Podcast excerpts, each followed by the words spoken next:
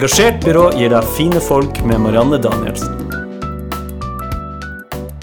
Ja, da er det altså vinter i verdens beste by.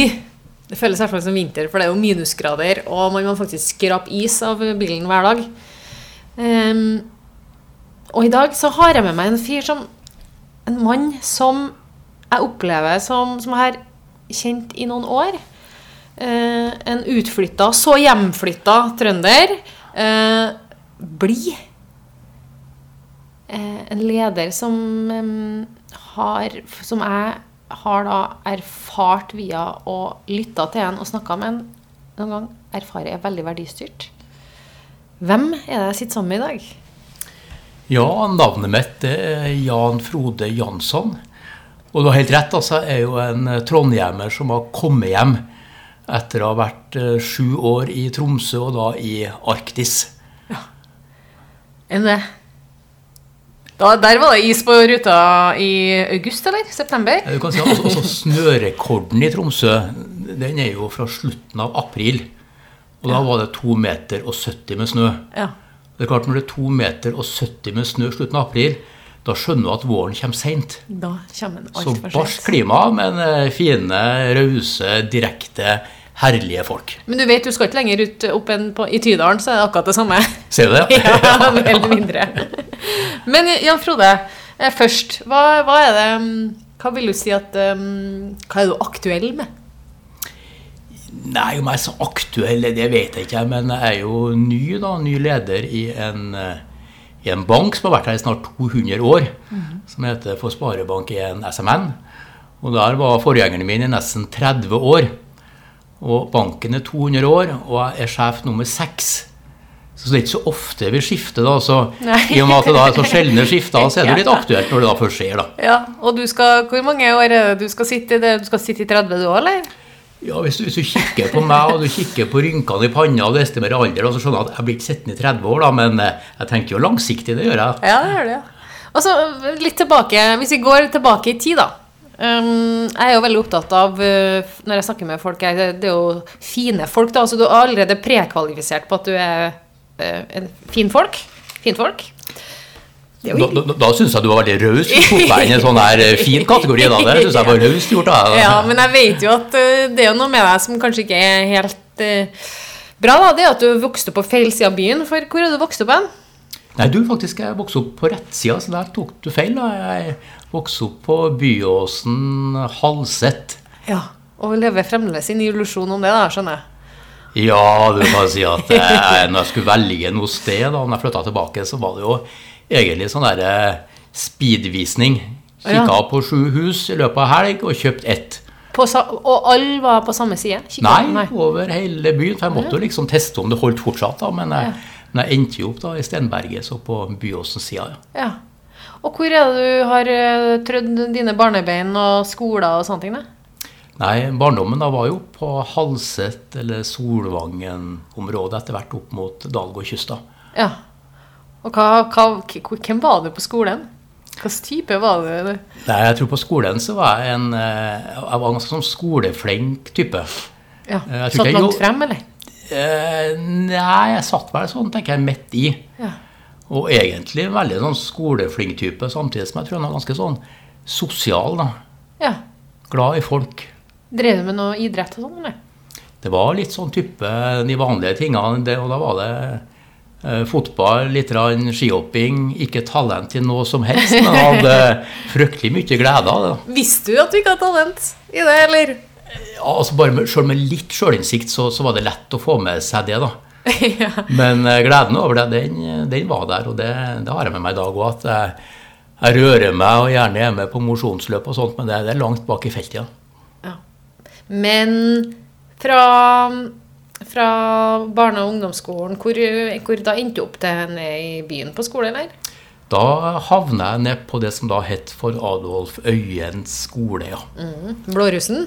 Og det var blårus, og i bransjen min så er det litt sånn, sånn skjellsord å være blårus, da, men jeg tenkte jo ikke sånn den gangen. og Det var egentlig fin skole, fin tid. Til og med lærere derfra som jeg har kontakt med ennå. Ja. Det er ikke Gunnar Torbjørnsen? Det er absolutt Gunnar Ja, Torbjørnsen. Han går igjen nemlig i podkasten her. Han, han gjør det, ja. ja. Han gjør det. Jeg tror jeg prega en hel, eh, en hel generasjon, da, men Ja. fikk opp interesse for politikk, historie, samfunnsengasjement. Ting som egentlig har prega meg hele livet. Så jeg takka han Gunnar en haug med gang. Ja, men tenk hvor heldige dere er. For da, I og med at jeg har hørt navnet hans så mange ganger. Hvor heldige dere er som har hatt en sånn lærer som har betydd så mye for dere. For det er ikke alle som har. Nei, det er det ikke. Og det viser jo egentlig viktigheten av personer man omgås da, i, også i tidlig alder, og, og, og hvor viktig læreren er. da. Så skal jeg framsnakke et yrke, så er det virkelig lærerne. Ja. Ja. Og da når du gikk ut som russ der, da, da visste du hva du skulle bli, da? eller? Eh, svaret på det er ganske enkelt uh, nei. Nei. Og da jeg gikk ut der, det var jo tida hvor også jeg hadde langt hår ned på ryggen, ordentlig trønderbart. Langt hår og trønderbart. Har du Ja, noen bilder av det der som du kan Eh, de, de, er i hvert fall godt gjemt, da, men det, det er sannheten. Altså, det var ordentlig ekstremvarianten av, av hockeysveis. da. Ja. Og så toucha jeg innom økonomi etterpå, men jeg har jo virra litt i karrieren. Jeg har det. ja. Så da hva, hva, hva var neste steg? Nei, hvis en følger, så Jeg studerte økonomi først, fikk med meg det. Så vendte jeg tilbake igjen til Trondheim, begynte på Sintef. Ja, men hva betyr det? Var du ute av byen og studerte økonomi? Ja, jeg var ute av byen først her, og så var jeg oppe i Bodø. Ja. Så der var det Nord-Norge-dose som dukka opp eh, allerede da den gangen. du, allerede da fikk du smaken. Ja, i hvert Var fall. det Sivøken? Var det høy, høyskolen? Eller? Ja, det var Sivøken. Ja, ja. Sivek var det. Ja. Og så kom jeg tilbake og jobba i, i Sintef, og så oppdaga at ingeniørene hadde eget språk. Og jeg, jeg kunne ikke språket, og, og det var litt tungt da, så da begynte jeg egentlig å, å pusle med litt sånn der eh, teknologifag, maskinfag i tillegg. Og så balla det på seg så det ble en doktorgrad, faktisk. ja. Og du det? Men hva innenfor hva da? Innenfor industriell økonomi. Ja, så det var en tidlig inndøk eh, Veldig tidlig indøk. og det var før det var så vanskelig å komme inn. Ja. Ja. Men betyr, det, da har du en veldig sånn brei industriell økonomisk forståelse da, som du kom inn i, i Sintef med da, etter hvert. Er veldig nysgjerrig på teknologi, og det er egentlig fortsatt. da, Og Ja. begynte å jobbe mot industri etterpå. Men hvor i Sintef var det du var nå? Det var for virksomhetsutvikling, og så var det grensesnittet NTH og, og Sintef den gangen jeg jobba. Ja. Mye med nystarta bedrifter, gründerbedrifter. Uh, ja, den Ja. type. Ja. Eh, Du sier jo litt om ingeniører. Um, det må jeg jo si at det er jo Jeg jobber jo mye med lederutvikling eh, og organisasjonsutvikling, og ingeniørene er noe av det mest utfordrende jeg har å bryne meg på. Fordi de, de har jo De har veldig, veldig mange spørsmål og utfordrer mye mer på strukturene enn på selve innhold. Mm. Kjenner du igjen det, eller? Ja, jeg er jo litt sånn strukturmann og liker ryddighet, da. Ja. Så jeg brukte henne for det, da. ja. Hjem så er det ganske sånn tellekanter i skapet, og på jobben så er det clean desk, da.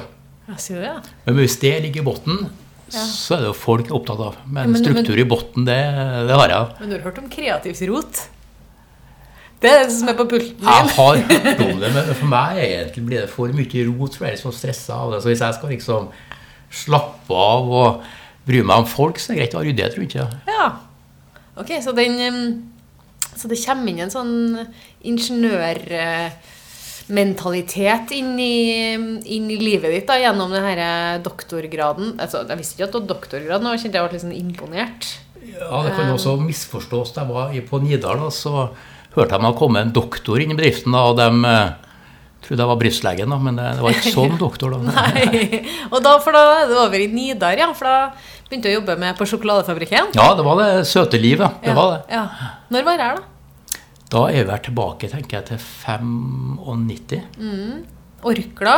Orkla, ja. Stort eh, konsern. Ja. Masse merkevarer. ja. Og da sitter med den trønderske merkevaren oppi det der. Ja. Som vi, vi må jo si at Nidar føles som en trøndersk merkevare, eller? Var Nidar var og er trøndersk. Sånn er det. Ja. Mm. Og Hvilken rolle hadde du der, da? Ja, Du, jeg jobba der med, med egentlig så både med produkt og marked. og så ble det jo litt sånn bredde ut fra min eh, bakgrunn. Ja. Markedssjef og Industri og produksjon og. Ja, sånne ting. Ja, Liker du det? Hva er verdikjedene her? Jeg altså, elsker jo god produksjon, ikke for å være småspist, da, men egentlig for å, for å se sammenhenger og Ja. linjer. og Ja. Jeg elsker egentlig der det, det produseres ting. da. Um, jeg har jo sjøl vært i industri. Sant? Jeg har jo jobba med tannbørster i Jordan i mange Ja. år, og, og kjenner jo veldig godt til den verdikjeden, hvor viktig den er. Men jeg kunne jo ikke gå rundt og småspise på det som vi produserte. Vi var jo heller dem som var supplementet til dere, da. Såkalt komplementære, ja. komplementære Ja, produkter. Men det som, det som jeg syns er artig, å tenke tilbake til hva var det, hva var det jeg var med på da? Hva kan du tenke, hvis du tenker tilbake på, på Nidar-tida di, hva var det du var med på da, som har, liksom, har vært med og forma den du er i dag? I, det var flere ting. altså Det ene var hele Orkla-ånden. ja. Altså verdiene, kultur. Det å være med Jens P. Heierdal opp på Løkken, ned i gruvene, bli forklart verdiene. Altså langsiktigheten, det å bygge samfunnet rundt seg, hvor viktig det er. Det, det har prega meg for alt de Beste skolen jeg har vært i. Ja. Og så var nok Nidar-tida, det her med merkevare, altså hvor viktig det er. Posisjonen tar i huet på folk. Det å levere det i alt du gjør. Også en snuoperasjon Nidar slet på den tida. ja. Og det her å være med å snu noen ting som har gått dårlig til noe bra, og reise han rundt i og få med seg folk og feire underveis og ta energi fra det. Men, men hva, var det man, hva var det man slet med? Den gangen så var det nok flere ting, og det var en annen fabrikk som dominerte Norge, og det var Freia. Så Nida var utfordreren, Sleit litt med lønnsomheten, markedsandeler som dalt, lite innovasjon. Den type ting. Hvilke innovasjoner har du vært med på som du ser tilbake på og som du tenker at det var skikkelig artig? Eller det, eller det bomma, for det gjør det jo også. Innimellom. Vi fulgte jo boka en gang og gjorde alt rett. Det var liksom den perfekte innovasjon. Det kryssa bransjer. Det var godteri, og det var opp mot næringsmidler. Det var design, det var marketing, det var alt. Og sånn som for Soho-sjokolade. Ja, ja, ja, jeg husker den. Med sånn yoghurtgreie. Korrekt yoghurt inni, Ja. og, og liksom altså, Og så var det sånn artig pakning. Den var liksom sånn rund, sånn, Nettopp. sånn halv, halvmåneaktig. Og alle sjokolader lå i butikk. Den sto. Oh, D-pakken var litt utfordrende. Alt skilte seg ut. Alt var tøft, alt var moderne, men det, det svikta. Ja. Det svikta. Hva, hva var grunnen? Nei, jeg, jeg, jeg tror vel egentlig det var at uh, når det gjelder sjokolade som mye annet, så er folk ganske sånn tradisjonsbevisst. da. For liksom Tenk på hva du et av sjokolade, og hvor mange av dem er nye merker. Ja, tør å prøve noe nytt, ja. Ja, og du ser jo også nå altså, Mange blir jo altså, Det blir jo sånn opprør på sosiale ja, medier. ja. Ta bort Longgrinen, f.eks. det? Og, og, og, og liksom Rigel. Og der hadde egne grupper nesten Ja, ja. går til valg på det. Altså nesten Ja. sånn bompe- bompengepartiaktig. Ja. Man engasjerer seg, så det, det ligger følelser i det. Ja. Sjokolade sånn, Vi drev jo med øl, samme der, og identitet i det. Altså det betyr noe for folk. og, og når du da liksom har forma det og gjort det i en generasjon, så er det ikke bare å skifte ut med noe som er nytt og spennende. da. Det- Hva, altså, hva lærer man av en, av en sånn ja, Det er sikkert ikke noe mageplask, da, men dere, det, det blir nå en sånn Man har jo investert fryktelig mye tid og penger i det, og det ikke funker. Hva, hva lærer man da? Jeg tror litt det her med liksom respekten for folk, eh, skjønne folk, eh, skjønne hvordan man vurderer ting. Eh, Sånn der type innovasjon som skjer innpå et, en lab og et kontor, det det er ikke det som funker. da. Og så respekten for det her med historie, tradisjon som ligger bak en, en merkevare. Hvordan var, hvordan var den fabrikkulturen på Nidar? Var den sånn For det jo, du vet jo du at det er veldig mye sånn subkulturer. Den fabrikk, industrikulturen er jo Kjenner jo jeg at den, den er jo litt um, Den jo, kan jo være litt sånn annerledes. Ja, Jeg, jeg elsker jo sånn fabrikkultur, men, men du merka jo kulturforskjellen på produksjon og kontorene. Og det var jo liksom et svært skille der imellom. da. Men, men det å være ute i fabrikken, se kollektivet der, være med å lage ting, det, det likte jeg. da. Ja, og det er noe fascinerende over det her eh, Altså no, For når jeg var i industrien, så var det jo litt mer manuelt enn hva det er i dag. igjen da, Men bare de som satt og laga tannstikkere på Jordan ikke sant, til oss på Flisa. Eh, satt og skjærte opp akkurat samme størrelse på de her klossene som skulle gå gjennom produksjonen for at det skulle ende opp i, i sånne tannstikkerkammer. ikke sant, og da, De satt og gjorde det der hver eneste dag. Hver eneste time, hvert eneste minutt. Ja. Satt og dreiv de her de her klossene igjennom. Og jeg husker jeg spurte en av dem en gang at, hva, hvordan, hvordan klarer du den repetisjonsoppgaven? For for meg er det jo helt at, at noen greier den. Og da fortalte han meg at når han sitter der, så for det første så hører de jo på musikk og radio og blir stimulert av noe annet. Og, sånn, og når jeg ikke gjør det, så planlegger jeg fisketurene mine. det er utrolig som sier respekt for de jobbene der, det som ble gjort. Mm. Mange la også ære i det. Og så fant vi feil. Så gikk det liksom på stoltheten løs, da. Ja. Ja. Så jeg har respekt for den jobben som ble gjort. Og, og det var jo også type sånn der prøvesmaking obligatorisk. da. var det obligatorisk? Nå så jeg noe med øynene dine. Var det Ja, obligatorisk? det var Det trodde jeg noe på. Det Det sto sånn instruksen hver halvtime smak på bamsebons. Ikke sant. Det er sant. Det er sant. Ja. Ja, for dem som sto på linja? På linja. Ikke for direktøren Nei, eller produktsjefen eller Jo, jeg forsto det sånn, da. Ja, du det Ja, sånn. jeg forstod det sånn, ja. ja. Ja. Men fra Nidar, da? Hvor gikk veien videre da? For meg så var det litt sånn mellomsteg i eh, ABB, som var sånn installasjonsselskap. Ja. Det, det var litt sånn lederlæring, da, for da kom jeg jo inn som jo litt ingeniør, men veldig sånn kontormann og økonom. Og så kom jeg inn i virkelig sånn der håndverkermiljø. Og jeg husker jo allmøtet ble presentert. Her er den nye sjefen. Ja, For da var du sjef? Jeg var leder. Ja. Kom inn i en bedrift, og så satt jo da guttene og jentene i kjeldres, og kikka skeptisk på meg. ja. Og da er det litt sånn altså hvordan Hva slags budskap kommer du med da? Men hvor bevisst var du på, på deg sjøl da? I den, i den Jeg var nok bevisst på det og spilte på det, at jeg, at jeg prøvde ikke å være noe annet enn jeg var. da. Så det å komme inn og prøve å møte dem og bygge den stoltheten og det laget jeg skulle få til, det var viktig. Jeg husker jeg hadde én foil. Det var liksom et bilde av en ABB-installatør som var ordentlig atletisk og dressa på og fin. Og så var det en gang Siemens hovedkonkurrenten. Han så litt lurvete ut. Ja. Og det var mitt bilde. da. ja. Hvor lenge var du der, da? Ganske kort tid. Jeg var der bare i et eh, drøyt år. Ja. Og så ble jeg egentlig nappa til bankverden helt tilfeldig. Hva, hva betyr det at det var tilfeldig?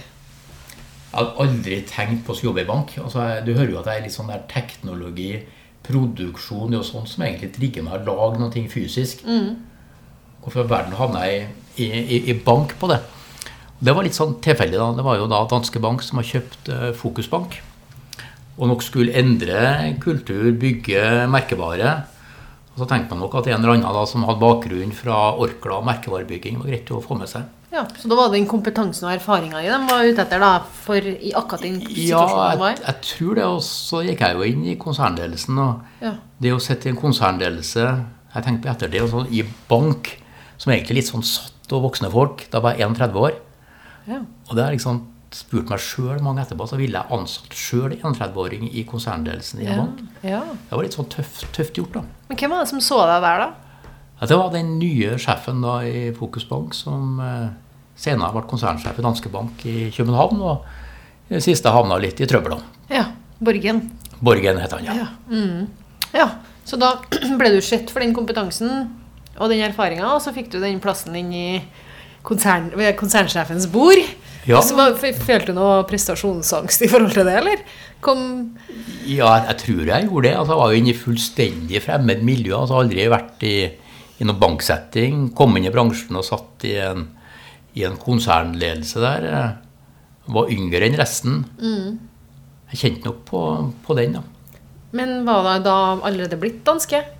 Da var det ikke Danske Bank, da var det Fokusbank, og det, det var vi veldig stolt av. Da, for da var det et eget selskap, dansk eier, med en egen identitet da, som Ja. Fokusbank. Og det var å bygge innhold i Fokusbank, og skal, skal vi være og la det gjennomsyre i alt vi gjør. Det var det som var jobben min, da. Og da var, da var dere på Heimdal, eller var dere i byen? da? Var vi oppe på, Rosten, ja. Ja, Fokusbygget. Så det var Fokusbygget, som det kanskje kalles. Ja, enda. Fokushallen, som vi spilte ja, fotball i. Ja, helt, eh, yngre, ja. Helt rett, det var det jeg havna Så gikk det vel greit med meg der, så jeg ble veldig fort uh, viseadministrerende, og så var jeg det igjen en god del år, da. ja. Så hvor lenge var du i banken? Det ble vel eh, en elleve års tid, tror jeg. Fra 95, hva du sa? Det Nå sånn? går jeg jo Nei. i surr. Jeg kom inn der, tenker jeg, i 2000. 2001, ja. Var der da til 2012. Og bank og spesielt kanskje også Danske Bank, da, er jo veldig kjent for akkurat den perioden du var der. Så skjedde jo ekstreme endringer innenfor digitalisering, innenfor måten vi håndterer bank på. Ja. Det var, gikk jo sikkert fra 0 til 100, det, det der, da, på mange Det måter. gikk kjempefort. Det susa inn med nettbank og nettjenester. Vi hadde ganske tøffe prosesser, og mange som både forlot banken og nye kom inn. Jeg tror telte på et tidspunkt at halvparten var skifta på tre år. Ja. Så det er ganske en ekstremendring. da. Og det krever jo sin leder, det der, da. Ja, det var jo mye utfordringer, men så, så ble det en sånn lagbygging i det som jeg er glad i. da. Ja. Bygge stolthet og være med på ting og være med på endring. og Hvordan overførte du de her merkevaretankene over i, i banken? Jeg, jeg tror nok altså Orkla er jo rå på merkevarebygging og, og merkevareskole. Jeg var jo engasjert der sjøl og sånt. Og, Ja, du var med i bygginga av det òg? ja, jeg var der og i styret der og litt av hvert. da. Ja. Eh, Foreleser der og sånt. Og, og den type merkevarebygging da i hvert fall var ikke så vanlig i bank. Nei. Så det var litt annerledes måte å, å tenke på. da. Så du, det, så du hadde med en del sånn pedagogikk, da, eller? Ja, sikkert noe faglig, men så var det nye at uh, i Orkla så var det så enkelt liksom, at når vi hadde sjokoladen, for da var det viktig med både smak og pakning og hvordan det så ut i, i butikk, men det var ikke noe folk inni merkevaren. Nei. Og Det var nye, altså å ta med seg den type måte å tenke på, altså inn i en bedrift hvor kontaktpunktene er fryktelig mye folk. Ja. Hvordan få folk til å utgjøre merkevare, det var det som, eh, som trigga og var artig. ja. Men da måtte du ha blitt lytta til opp gjennom årene i danske, da. Ja, jeg, jeg ble vist tillit, og det gikk veldig greit. Og jeg hadde jo veldig, veldig bra, da. Hadde jeg. Men så flytta du både fra Altså, du bytta bank, Ja, og du bytta region. jeg Har du gjorde bytta altså. fotballag òg? Har bytta, ut alt? Ja, du? Marianne, altså det, jeg, kan bytte mye i livet. når jeg hatt eh, samme kone hele veien. Og så fotballag, det kan du aldri bytte, så jeg, jeg bytta ikke det. da. Men jeg reiste nordover. Litt handla det om Danske Bank òg, fordi at det ble mer et internasjonalt konsern. eh, Mer styrt fra København. Ja. Jeg var tilbudt sjøl å være en eh, såkalt landsjef. Det var et sånt koordineringsansvar. For meg så er du enten sjef eller ikke. Og når jeg da fikk et tilbud nordfra, tenkte jeg hvorfor ikke? Og Så du satt litt eh, løst, eh, satt litt ute på stolen i, i danske da, på slutten der? Nei, ja, det, det er jo alltid kombinasjon av at kanskje satt jeg litt mer eh, urolig da, og så dukka det opp noe, og så, så klina jeg til. da. Ja. Men dukker opp sånn ut av det blå, sånne ting? Ja, Det er noe sånn i næringslivet at det er noe alltid noen, Noen som som, noen som skal ha tak i folk, og så ringer noen, og som regel så er det uinteressant. Men av og til så er du i et modus hvor både muligheten og, og situasjonen er i klaffe. Da, så da, sånn var det. Men hvordan var det da å flytte fra verdens beste by eh, til hva er Nordens Paris? Ja. Og den kultur, også, det er en kulturforskjell. Det er jo bare de folkene og, og nå, no, må jeg jo si det, Helt ærlig så syns jeg faktisk Men du må ikke si det noe, men jeg syns det er artigere å reise nordover enn å reise sørover. Av folkene. Det syns jeg òg. Ja. Så det var fryktelig og skummelt, og så var det artig. Og så var jeg jo spent, for jeg husker det sto i stillingsbeskrivelsen da de skulle ha konsernsjef i Sparebanken Nord-Norge, så sto det 'må være nordlending'. Nei, sto det Det sto det i, i teksten. Ikke på spøk heller? Ikke på spøk, det var i teksten 'må være nordlending'. Jeg husker Det var, altså det var en stor greie der når det kom inn ny sjef, for det var på en måte landsdelsbedriften. Ja. Så skjønte jeg nå kjenner jeg til å høre en trønder. ja. Og da forsikra jeg jo om at stamtavla var i orden, fordi at far min er nordlending. Ok. Eh, Jeg sa også noen ting som forfulgte meg senere. Hadde du med dåpsattesten på, på intervjuet, liksom? Nei, jeg trodde meg på stamtavla. da. Det var greit. Ja, Og så sa jeg at jeg kom til å, å jobbe for landsdelen, for det, det visste jeg, og jeg brant for det. Og jeg sa vel at jeg kunne betrakte meg som en eh, nordlending med talefeil. Mm, Og den ble hengende ved meg. Ja. Og så sa jeg, da, apropos fotballen, at jeg kommer til også å heie på Troms idrettslag i alle kampene, Med unntak av med unntak av én. Så jeg er ærlig på det, da. etter hvert to, da, med Ranheim, tenker jeg. Selvfølgelig da Ranheim kom i tillegg etter hvert. Ja, men hvordan var den, var den Jeg husker når jeg flytta fra Oslo til Trondheim, så syns jeg at tempoet gikk ned. Mm. Eh, det ble, og det ble mye mer utenomprat på møtene eh, i, i næringslivet. Da. Hva er forskjellen på Trondheim og Tromsø, da, f.eks.? Eh, Altså Det som i hvert fall gikk opp, var reisetida. For det er jo noen sånne sinnssyke avstander vet du, ja, mellom som ikke man tenker på. Altså, når, når du kommer opp til Mosjøen, så er du jo midt i Norge.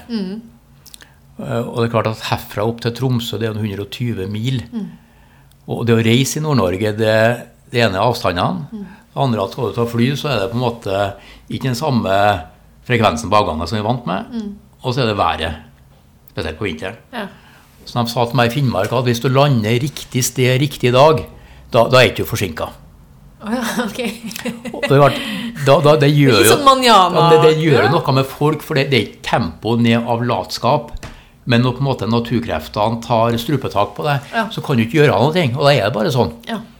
Og så flyet gikk ikke, jeg kom ikke. Nei. Nei. Så, så det er en forskjell i det. Og så merker jeg nok en annen greie. at altså, Trøndere og nordlendinger er nabostammer, så det går veldig fint i hop. Mm. Men klart de er jo hakket mer frodig i språk og litt mer offensiv. Mm. Klart Når jeg på mine første kundemøter på, på Senja, og kunden sier egentlig vennlig at uh, nå må ikke banksjefen være hestkuk. Ja. Så, så, så, så Ja. hører ikke du det på Aker Brygge. altså. Nei.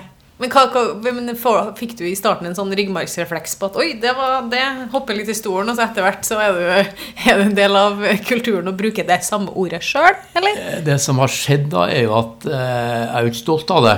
Men det er jo noen som da påstår når jeg kommer tilbake at jeg har fått noen sånne språklige skavanker. da. Ja. At jeg burde ha en sånn språklig desinfisering, da, så ikke jeg trekker med de uttrykkene der. da. Har, du, har du noen du kan dele? Nei, jeg, jeg, jeg tror de kommer veldig sånn med, med emosjoner. da, Ja. Spesielt når jeg flyr forbanna. da, Ja, eller, ja, å ja. Eh, Blir du mye fly forbanna? Jeg kan, jeg kan bli det. Jeg er veldig sjelden sur. Ok. Så når jeg er hjemme og på jobb, veldig sjelden sur, men jeg kan bli fly forbanna. Å, hva er det som trigger det? Nei, det kan være forskjellige ting, da, men det, det er hvis, hvis folk lover ting, eller sier ting og gjør det motsatte, blir jeg fly forbanna. Hvis det er urettferdighet, så blir jeg fly forbanna. Um, det er i hvert fall to eksempler på det. da. Hvordan, hvordan, hvordan er du da? Nei, da er jeg veldig tydelig. Nå tror jeg jeg er kjent for ganske tydelig ellers, men da blir jeg fryktelig tydelig. Ja. Og så legger jeg sikkert til noen gloser og temperament. Jeg blir ildrød i kinnene og Slår du i bordet òg? Ja, henter jo. Ja. Men da er det noe som går i det her verdisettet ditt. At du utfordrer. deg. Det er noen som går på akkord med deg. da. Ja, det, det er et eller annet da som altså Jeg elsker at folk er uenige med meg. Jeg liker å diskutere og sånt, men, men hvis det er en liksom sånn slags misbruk av tillit Du sa noe til meg, og du gjorde det motsatte. Du har gått bak ryggen min. Det er den type ting. Å behandle folk urettferdig, det, det liker jeg ikke. Fordi at når du har vært i de ulike selskapene, så både jeg tenker på sånn som Orkla, da, som var veldig verdistyrt gjennom altså Jens Perdal var kanskje en, en av de første i Norge som begynte å jobbe med kultur og bruke begrepet og etterleve på verdier og har den her merkevareskolen osv. Og, og så tok du med deg det inn i danske, og så jobba du med det. Og så har du jobba i, i, i banken, som også er, tar veldig mye samfunnsansvar og er veldig verdibasert. Hva, hva, hva slags verdier er det du har sjøl som du tenker gjør at du har tatt de valgene du har tatt? Altså, hva er det, Jeg hører jo du snakker om respekt og lojalitet, kanskje. Men hva er, hva er det du Hva er, liksom, hva er grunnsteinene dine? Hvert fall en av dem er det som jeg vokste opp med, at altså, glem aldri hvor du kommer fra. Og i det så ligger det også en, både en ydmykhet og en respekt i det. Du snakker ikke om geografi. Nei, og, men da er det egentlig litt sånn Altså, jeg kom fra helt vanlige arbeiderkår på Halset, alle de tingene der. Eh, også mm, foreldre, besteforeldre på det her med verdisyn. Det å behandle alt folk med respekt, det, det er kjempeviktig for meg. Så jeg er glad i folk på det. Det andre er vel sånn samfunnsengasjement i det. Og det er derfor jeg har blitt liksom sparebanker på min hals. da. Ja. Eh, Da jeg var i en forretningsbank og danske, så hadde jeg noe på si. Da, da jeg bodde jo i Klæbø. ja.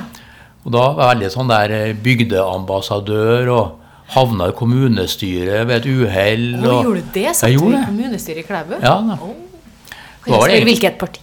Ja, det, det var, jeg er ikke så stø som partipolitiker, for jeg er ikke noen partipolitiker da, men jeg, jeg var for Høyre. Ja.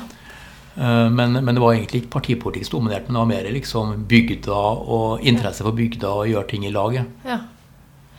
Demokratiet. Ja, opptatt av, eh, av det, da. Og nå er ikke jeg medlem av noe parti, eller sånne ting, men, men det er jo litt i jobben, denne samfunnsbiten. Og da kanskje den røde tråden fra Jens P. og på Løkken og bygge samfunnet rundt, eh, ta med seg det inn i jobben. Mm. Så engasjement har du, da. For- Gunnar Torbjørnsen som forbilde. fordi altså, Noe av det han lærte meg, var det her med, med både historie, identitet, hvor du kommer fra, samfunnsengasjementet. Likegyldighet, det hater jeg. Men da, da er du jo veldig opptatt av å være en del av noe som er større enn deg sjøl, da. Ja, jeg er det. Ja. Og det er sikkert litt tilbake Du spurte meg om sånne idrettsmeritter. Og de er jo elendige. Men de er jo det, altså, sånn, sånn, sånn individuelt. Men, jeg oppdaga liksom en mulighet hvis du er på lag. Ja. Ja. Og det er jo det fascinerende at selv om du er ganske middelmådig på mange ting, hvis du da er på et godt lag, og kanskje etter hvert er god til å bygge det laget, så blir du jo knallgod. da. Men det, det laget som du hadde oppe i nord, da, i Sparebanken Nord, det presterte jo veldig godt. Altså, du, du, du skapte jo veldig mye gode resultater opp der. Det har jeg lest om. Ja, det, det gikk egentlig bra, da. Og det var egentlig sånn eh, Rødbanken din. Ja, det var litt sånn her i, Bank-Norge så var det litt sånn den stygge andungen. for Man gikk på feil etter feil, og man tapte, og mindre priser og alt det der. Men eh, nå er de den eh, rangert som nummer én, da. Ja. Det var litt kult å være med på, på det. ja, hva er grunnen til at man får til sånne ting, da? Jeg tror det var bevissthet i forhold til der var det hva kan vi? Det skal vi gjøre mer av. Og hva kan vi ikke? Det dropper vi. Og oppi der så var det noe sånn der man drev, eller vi drev noe bank i Russland, og det fant vi ut at Nord-Norge kunne vi, Russland kunne vi ikke, og det solgte vi, og det er jeg veldig glad for. Ja. Andre ting vi prøvde å gjøre som eh, vi ikke kunne, det droppa vi jo. Og så var det her med å få med å bygge stoltheten i folket. For hvis du på en måte er stolt over stedet du jobber, da legger du kvalitet i arbeidet. Da, da nytter det ikke med slurv. Og hvis du er stolt, så er det lett å selge. Og hvis du er stolt, så er det artig å gå på jobb. Det er ikke noe, det er ikke noe tull med det, tror ikke jeg.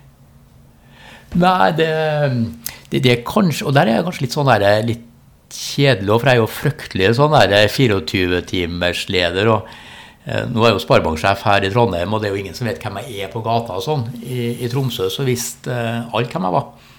Jeg var en fryktelig offentlig person. Hvordan likte du det? Det var en del av eh, jobben, da, og jeg likte å ta oppmerksomhet rundt banken. banken. Og da fulgte jeg med på, på meg, da. Så avisa i Tromsø, som heter Nordlys, da, de hadde på sju år eh, 1100 oppslag om meg.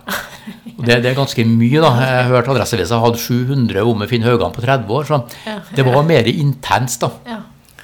Og så fikk du litt den typen at når det var jeg husker sånn krangel eller oppmerksomhet om, om reiseregninger og idretten og det her, Ja, ja, ja, så var det ikke sånn til Tromsø, men da gikk man da til ordføreren og rektoren og banksjefen. Ja. Og kan dere vise reiseregningene? ja, for man skulle finne noen der, ja. selvfølgelig. Og finne noen der som selvfølgelig hadde Og, og da sa jo eh, rektoren at det vil jeg ikke. Helt har vært pressa til å gjøre det. Og samme ordføreren. Så kom han til banken. og vi har ikke noe plikt til å vise reiseregningene, men vi var åpne, og det var måten å håndtere det på. og Vi visste bunken. Mm.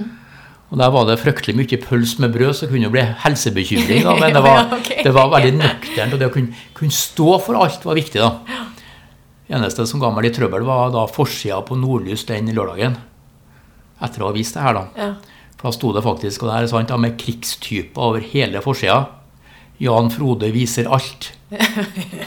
Og da, da, da Det tikka var det. veldig, veldig, veldig, veldig interessant hvilket bilde var det som fulgte med den Altså, saken. altså Kona kikka jo febrilsk i avisa hvilke bilder som var der. da. Ja, Det var ganske kjedelig, dem, da, men, eh, men det var litt den derre offentlige profilen. Og, og, og da blir det veldig også selvfølgelig Det er en sånn forpliktelse på vegne av banken til at det man gjør, skal man kunne stå for. da. Ja. Og jeg vet jo også at, du, at du, dere hadde jo, har, altså, I det samfunnsansvaret har jo også skjedd Jeg tror jeg har sett noen bilder av der du går rundt med en sånn kaffegreier på ryggen og driver og serverer kaffe. Er det, er, er det en fantasi her, eller er det? Er Nei, det, det der var- jo min favorittjobb, og det er det fortsatt. Ja. Og det er jo altså for oss som er altså sparebanker, så er vi jo, vi er på børs, og så er vi samfunnseid. Ja. Og som samfunnseid så må du være tett på folk. Og den beste måten å komme i kontakt med folk på, det er over kaffe, sånn som vi sitter her nå med kaffekoppen. Og hvis du da går ut med kaffetank på ryggen, det er en utrolig måte å komme i kontakt med folk på. Ja. Så det ble litt sånn varemerke for meg. Og så husker jeg en historie var NM på ski i Alta.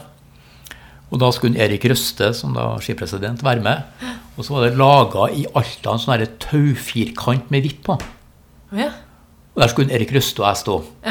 Og så det her er Alta, det er skirenn, og så stå to karer i en taufirkant med vipp foran.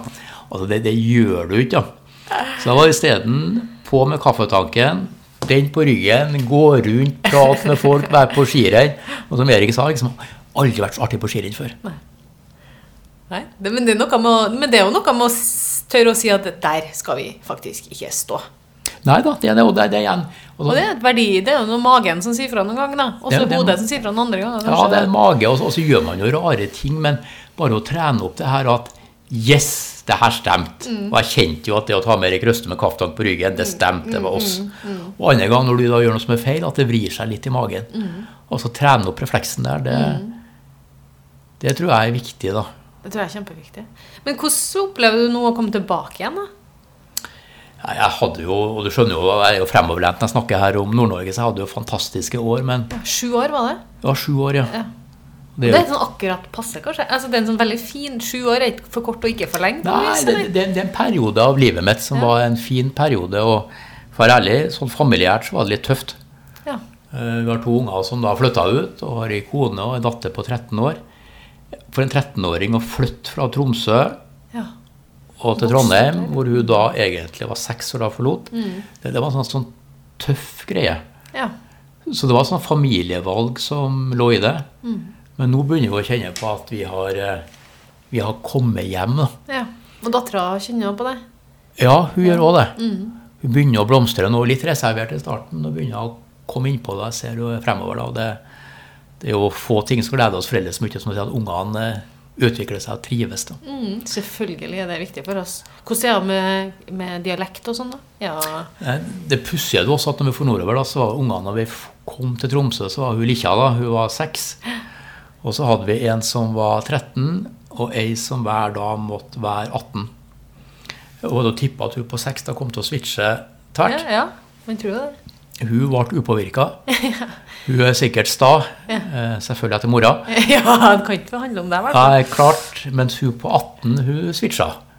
Ja. Så hun ja. ble veldig fort klingende nordlending. ja. Men så har hun flytta nå for seg sjøl i Trondheim, jobber på sykehuset, og nå er trønder igjen. Så hun er vel da tilpasningsdyktig og kanskje mindre sta da enn eh, noen andre i familien. Så hun holdt på trønderdialekta si helt til hun kom tilbake igjen, hun da? Ja, hun, 13-åringen. hun, hun som nå er 13, da, hun har vært trønder eh, hele veien. Ja. Mens hun eldste hun var nordlending i nord og trønder her. Rart her, hvor vi mennesker driver og sikkert både ubevisst og bevisst tilpasser oss forskjellige situasjoner vi kommer i. ikke sant? Men hva, men hva er største forskjellen for deg å komme tilbake igjen nå? Du er jo på andre sida av eh, Søndre gate. Mhm. Det er noen forskjell. Altså, sånn som jeg er, da, sånn med hud og hår og du skjønner, merkevare og på utenlandsk eh, living the brand, hadde det vært umulig for meg å flytte fra ledelsen i en dansk bank over til Sparebanken. Det hadde ikke gått. Det hadde ikke eh, passa meg. Men etter å ha vært sju år bort, så var det greit å flytte over. Ja. Og det er, et, det er jo et sperre mellom de to bankhusene i Søndre gate. Det er jo noe, er noen store Det- forskjeller. det er noen forskjeller i kultur, og det, det er det, og det er vi jo bevisst. Men Og på eiersida òg, selvfølgelig. Det er det. Så, så det, det er forskjellig posisjon som er der. En mm. utenlandsk med alle fordelene som det gir. Mm. vi er lokal og dyrker det kortreiste med det som det gir. Og for meg så har det jo da blitt sparebanker på min hals. Så, altså, karrieren min virker litt sånn der tilfeldig. Men når du ser liksom samfunnsengasjementet som jeg har søkt ved siden av jobb eh, ved kommunestyret i Klæbu, det har jeg egentlig litt sånn inni jobben min nå òg.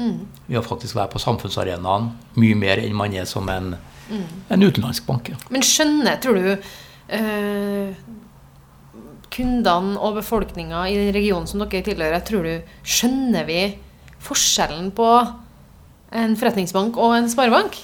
Alle, altså, Forstår folk det? Hva som Nei, det, det, det, det tror ikke jeg i det. Og, og det er derfor jeg er litt sånn religiøs i forhold til det vi, vi står for. da, og det å vise hvem vi er. Eh, vi er 200 år gamle. Det oppsto av en idé hvor man da skulle dyrke det kortreiste på beslutninger. Overskuddet går tilbake igjen til der du er. Og så En sånn modell dukker aldri opp igjen. Og så har vi da kommet på børs i tillegg, men det er fortsatt kjernen som ligger der. Og den, den dyrker vi nå bare for å minne oss sjøl på det, også vise omverdenen. Og Det er det samme som når vi hadde ledersamling på Hell for ikke så lenge siden.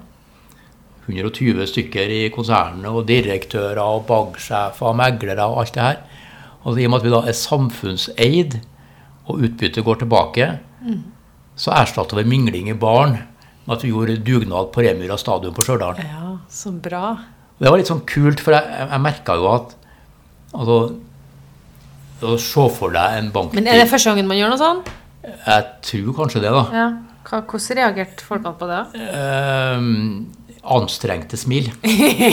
Og det er altså Se for deg folk som skal på seminar, og som skal i gruppearbeid, og som skal mingle i baren. Ja, vil ta seg en liten drink før middag. Og så skal du plutselig på dugnad på Remera stadion. Ja. Men å se at folk stiller på det Ja. Ikke noe sutring til meg. Og det er vanskelig å få dem til å legge ned arbeidet når vi skulle ha middag på Samfunnshuset. Ja. Men når man kjente etterpå at altså, det er fint å gi noe penger tilbake, det er fint å se banksjefer med sjekk, men, men jeg blir ikke rørt av banksjef med sjekk. da. Men når man gir av seg sjøl i tillegg, og er med og levendegjør det her, så funker det. Men Betyr det at du driver og, og, og jobber litt med kulturen i banken? da? Jeg jobber veldig med det, og jeg er jo kanskje kultur som og kulturbygging som er den røde tråden til meg, og det å se responsen på det er jo herlig og andre greier. Vi, vi er jo engasjert nå mot, mot bærekraftsmål. Og det har vi spesielt fokus på folkehelse. Ja. Og igjen, gi penger, sjekk til gode formål er fint. Men da det var Trondheim Maraton i byen, så utfordra jeg jo alle til å være med og sprenge og jogge eller gå. 42 km eller 5 km. Året før så var det 40 som var med. Når jeg utfordra dem, så stilte vi 600. Oi. Det er sånn herre Yes! Da Men er hva er det som har skjedd? Nei, Hva, men- hva skjer da? men, men, men det sier jo litt altså stoltheten min over laget at man er med og tar utfordring og stiller på sånne ting. Ja, ja, men det, det, det skjønner jeg, men hva er det som, er det som trigger dem? da? Hva, hvorfor, er det plutselig blitt, hvorfor er det viktig? Jeg vet ikke, men altså, alt jeg har gjort, altså det vil si, er, er viktig. Det, det, det tror jeg faktisk på, men det vi gjør, er enda sterkere. Hvis jeg hadde oppfordra folk til å sprenge, Men ikke gjort det sjøl? ikke gjort det sjøl, glem det. Hvis det var dugnad på Remyra stadion, og bare folk kom og jobbe, og sjøl satt inn og organisert, glem det. Jeg prøvde en sånn greie oppe i, Tromsø, da, hvor vi hadde det var også litt helse, så stilte vi en dag på jobben i treningstøy. Hvis ikke jeg hadde gjort det, så hadde folk rundt meg følt seg dum. Jeg måtte selvfølgelig stille. Det kinket der var at det samme dag var som mottakelse på rådhuset. Da stilte jo ordføreren i svartdress og kjede. Jeg stilte treningsjakke og tights. Men, men det var en grunn til det. Ja. Og da, da er det greit. Da blir det en icebreaker òg, du. Ja, det, det er det greiene der. Altså. I alt vi I hvert fall innenfor ledelse, mener jeg da, at det vi sier er fint, men det er det vi gjør, som blir testa på. da. Men det ligger jo sikkert En ting er det kulturelle, og så skal du bygge en kultur som også skal klare å ta de utviklingsstegene òg, som jeg vil tro ligger foran dere. Men hvordan du, Det er sikkert noen forventninger til at du, du skal jo dra bank inn i nok en ny æra, sikkert. Som Vi går jo stadig inn i disse endringsprosessene og skal bli mer og mer digital, og det med transformasjonsledelse Det hele tida nye begrep og nye ting som vi skal forholde oss til. Hva slags type leder er du på den strategiske, visjonære retnings... Jeg, jeg jeg er jo som sagt teknologinysgjerrig, og så er jeg glad i folk. Og så tror jeg på å bygge tillit gjennom det vi gjør. Og hvis du klarer å kombinere det, så funker det knallbra. Jeg har en av mine babyer som er VIPS. Ja. Eh, til VIPS når det fremstår i dag, så er jeg vel eh, litt far. Sammen med min forgjenger Finn og Rune Bjerke. Ja. Jeg sitter i styret enda. Og det var jo greia. altså Her var fiendebildet. Vi skal kjempe nå mot av betaling mot Facebook og Apple De store, og Google.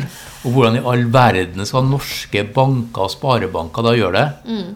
Og da var det sånn her, ja, men hvis det er fienden Hvis vi mobiliserer alle, Mm. så går vi inn og tar det. Og det har jo funka herlig, da. Og Satt jo noen bort på andre sida av Søndre gate og skulle drive med mobilpay, da. Ja, vi gjorde det, og vi hadde noen greier, vi òg, men, men så har det blitt en standard. Og det verbet er jo da å, å Vips. vippse. Ja, og det, å, å klare, det er jo nesten som eh, Hva var det de kalte? Xerox eh, tidligere, som, hvor det hadde Ja, ja, kopi... det var samme. Og, og så ser du at altså, den type innovasjon, da, da var det noen som samarbeida. Og så var det aktører som vi har tillit til. Altså Som vi stoler på å kunne overføre penger med.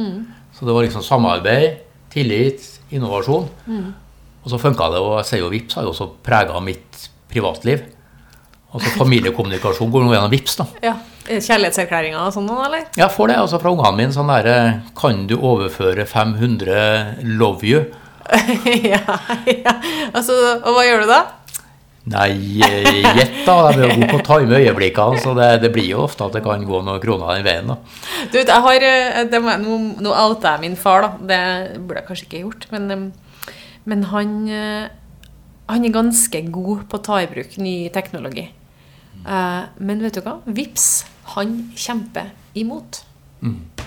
Og jeg skjønner ikke hvordan jeg skal klare å få han over. For jeg ser jo hvor, det er jo så lett, sant? Ja. Det, det er jo ikke at jeg vil at han skal vippse meg penger og få han til å sende meg 500 love yous, liksom. Men, men det er mer det der her at eh, det er andre veien noen ganger òg. Og så mm, Men han vil ikke. For vet du hva han er redd for? Han er redd for sikkerheten. Jeg, og jeg merker jo reaksjonen når du sier det til meg. Eh, For det første jeg gjør, er liksom å, å lene meg over bordet og si sånn Gi meg mannen. Og det er liksom utfordringa som, som ligger i som det. trigger, ja. Og, det er det. Ja, ja. Og, så er jo greia som å si at tillit er jo det mest verdifulle vi, vi har. Mm. Og, og så blir jo spørsmålet, altså, hvis du skal overføre, hvem har du mest tillit til? Eller gi data om deg sjøl? Mm. Er det til banken din? Er det til Facebook? Mm. Er det til Google? Er det til Apple? Mm. Og det er derfor jeg tror at den her eh, fighten som pågår nå, også med digitale her, Mm. ja, det handler om teknologi og innovasjon, men også tillit. Ja. Og det er jo sånn, ta eksempel på det. Jeg er jo sånn eh, i kjernen av Apple-fansen. Altså, Hjemme til oss så var det Macbook og Mac Air, og i Tromsø var det til og med Mac-øl, ja. Nei, men, men liksom, jeg har vært der og fikk iPhone før den kom til Norge. Jeg fikk en med kurer. 2007? Ja, ja, ja, ja. Og fikk iPaden også, noen som var der og kjøpte før den kom hit. Så jeg er veldig Ja. Men så begynner jeg liksom å kjenne på at altså, hver gang jeg får sånn IOS-oppdatering Ja. Har du lest den, eller? Det er jo ingen som leste det. Jeg har gjort det. Har du lest Jeg har gjort det. den? Jeg har lest den. Og, og, og det vil si, da, er jo at ja Det er jo timevis du har satt av da, for å lese den igjen. der. ja, men, men det var, det var liksom Vi sier ja, de kan samle data med. Ja, de kan koble med andre data de får tak i. Ja, de kan bruke det sjøl. Og ja, de kan selge det til andre. Og så er det sånn at Og det sier jeg yes til. For hva er alternativet? Liksom? Korrekt. For da, hvis jeg da sier nei til det, så funker ikke telefonen. Så kan jeg gå til Samsung isteden, og så er det samme greia der. Men det er klart det der begynner tror jeg blir et tema å se på Facebook, ja, som ungdommen har forlatt. Er sånne på vår alder. Du er selvfølgelig yngre, men, eh, men, men det er jo der man fortsatt er. For det begynner å skje noe rundt den der tillit. Og mister du tillit, så kan du ja, hva du vil av teknologi, men det funker ikke. Så den der biten der er vi veldig opptatt av. Så jeg tenker jo at øh, han, min far er jo inne på noen ting i forhold til at han, at han har en skepsis, en sunn skepsis. Men øhm, jeg, jeg må, tror jeg må sende deg til noen som skal bli overtalt på det der. ass. Ja, du ser jo at jeg elsker utfordringer, så jeg vil jo veldig gjerne, gjerne snakke om det. Ja. Men hva er bank? Er vi på 2-0, 3-0, 4-0? Hvor er vi på bank nå, egentlig? Nei, jeg, jeg har vel ikke tellinga på, på versjonen vi er på, men vi merker akkurat nå at det er ganske mye endring. Ja. Eh, og så er jo det på en måte å bruke teknologien, gjøre endringer, gjennomføre det. og det er klart Bedriften jeg nå leder, som har eksistert da snart i 200 år. Og altså når du har vært i 200 år, så har du jo overlevd egentlig på å gjøre endring og kunne speile samfunnet rundt. Og så har jeg alltid sånne påminnelser at det gjør vi ikke å hive oss på trender. Vi må klare å se også gjennom det. Og det er jo at alle trendene nå har jo en mottrend. Altså, jeg har gjort foredrag om globalisering i utrolig mange år. Og så ser du nå det kommer antiglobalisering. Jeg har holdt foredrag om urbanisering. Og så min påstand det kommer også en antiurbanisering. Og da jeg sa det i vår, så kikka folk dumt på meg. Ja. Når man nå har sett valget i Norge, så kan det være noen ting der. Da fikk du sentrum periferi. Og da kan du ta videre. Kommer det også en antidigitalisering? Mm. Ja, jeg tror faktisk det. Mm. Pendelen svinger andre veien. Digitale vil være der. Ja, det er data, det er big data, alt det her. Men jeg tror der det kommer til å utfordres, er på den her tillit. Hvem har du tillit til? Og hvordan blir data meg brukt? da? Husk på det vi driver med som er bank, vi driver med forsikring, det er dine helseopplysninger. Hvis ikke vi da bruker dem innenfor ramma som tilliten har gitt oss, er, så er vi i ordentlig trøbbel. Hvor, men hvor lang tid klarer du å se frem, da? Det, det jeg har innsett, da, er at jeg er ekstremt dårlig på å spå. Eneste trøsten er at eh, det er alle andre òg. Jeg bruker ofte noen eksempler på det. fordi at Da jeg gikk på skole på 70-tallet, på Halset, så fikk vi oppgave å tegne verden i år 2000. Det vi alle tegna, var biler som kunne fly. De kom ikke. Fortau. Flygende fortau òg. Nettopp. Det ingen av oss tegna, var at folk gikk med telefon i lomma. Altså den grå med skive, hvordan skulle du få den i lomma? Og, ville jo ikke vikle deg inn i ledningen, og hvorfor skulle den være i lomma? Eller at folk gikk rundt i kirkeparker med telefon og lette etter dyr som ikke finnes, som kalles Pokémon. Ja. Altså, ingen hadde fantasi til det. Nei, og når Henry Ford spurte hva folk ønska seg, eh, så ville de jo ha en raskere hest. Ja. Det var ingen som så for seg bilen heller. Ja. Eller på kort horisont da er jeg alltid på sentralbanksjefen sin årstale. Nå ser du gjesper når jeg sier det, men, Nei, jeg men, gjorde ikke. det, det, det, det, følger jobben, Marianne. Og, og, og da alltid vet du, sånn her, på det ene side og på det andre side og sannsynlige scenarioer. Den gangen jeg hørte den mest tydelig, var våren eller vinteren 2008. Ingen tegn til finanskrise i Norge. Åh, ok. Det gikk fire-fem måneder, så smalt det. Altså det her å spå om fremtid, det, det tror ikke jeg så veldig mye på. Men det å ane ting, fornemme ting og kunne tilpasse seg, det tror jeg er greia. Så detaljerte strategiplaner, det har jeg hevet for lenge siden. Ja. Eh, Men det å ha noen tydelige verdier, som vi har snakka om her, det å vite hvor vi skal hen, og da å få folk med på endring, og da handler det om å gi tillit. ja, fordi tillit går jo ikke Er jo noe som man kan Som kan som varer i 10 år, som varer i 20 år som, akkurat tillit, det, var, det varer ikke automatisk, det, men det er noe som man, en retning man kan styre etter. da. Korrekt. Og et eksempel på det her, da. Jeg, hadde en middag i forrige uke. Og på en greie så hadde jeg han styreleder i Ikea til bords en hel kveld. Det var artig å diskutere med. Eh, og Nok Ikea, en sterk merkevare. ja, Ikea er jo ikke noe, noe kiosk, egentlig. Mm, Og, og da spurte jeg om altså, styreleder, det er altså hvor ofte det er styremøter i Ikea. Ikea har 200 000 ansatte pluss omsetning 30 milliarder euro.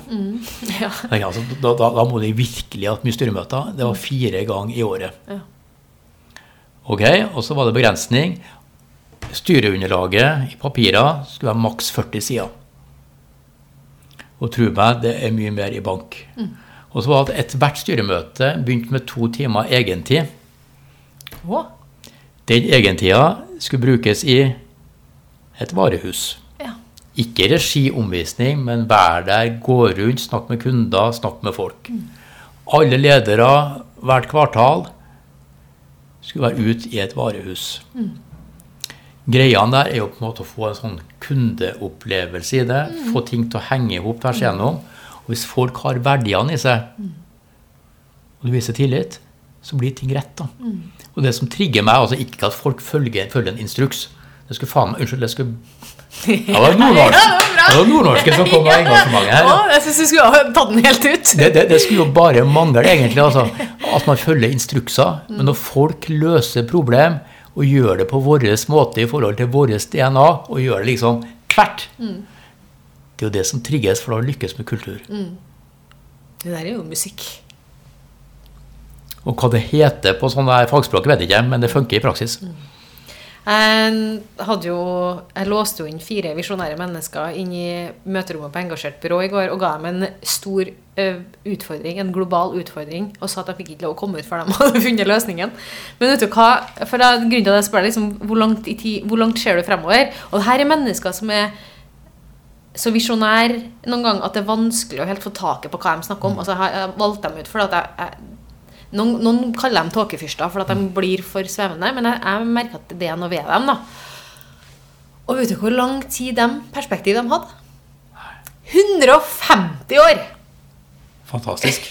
ja, Fantastisk. ja. Så det, og, og, ikke sant, så er sånn Det tør ikke jeg å tenke på engang. Vi snakka om det i lunsjen i dag. 150 år. Er vi folk på jorda om 150 år, liksom? Og så tror jeg greia med det altså, Når jeg sier at jeg tror ikke på sånne detaljerte planer over tid, så gjør ikke jeg det. Men av og til å prøve å kikke langt frem er sunt. Og da kommer til å bomme, og gjengen din i går de bommer jo radikalt. Men øvelsen, altså når du skal tenke ut av boksen, så er det en fin måte å trigge det på. For 150 år, det er så langt, at da, liksom, da kan vi tenke totalt ut av boksa. Men det de gjorde, da, det var at de de, ikke, de, de kom ikke med løsningen om hvor, hva, altså hva vi skal gjøre. Det var mer det at vi må holde i gang samtalen mellom mennesker for å finne løsninger i 150 år. Det er ganske, det er ganske fint å tenke på. Det For det er, jo, det, er jo, det er jo kontakt mellom mennesker som er Og det er jo det herlige, det her, og den påstanden som sikkert er drøy, er jo at folk blir ikke å gå av moten. Nei.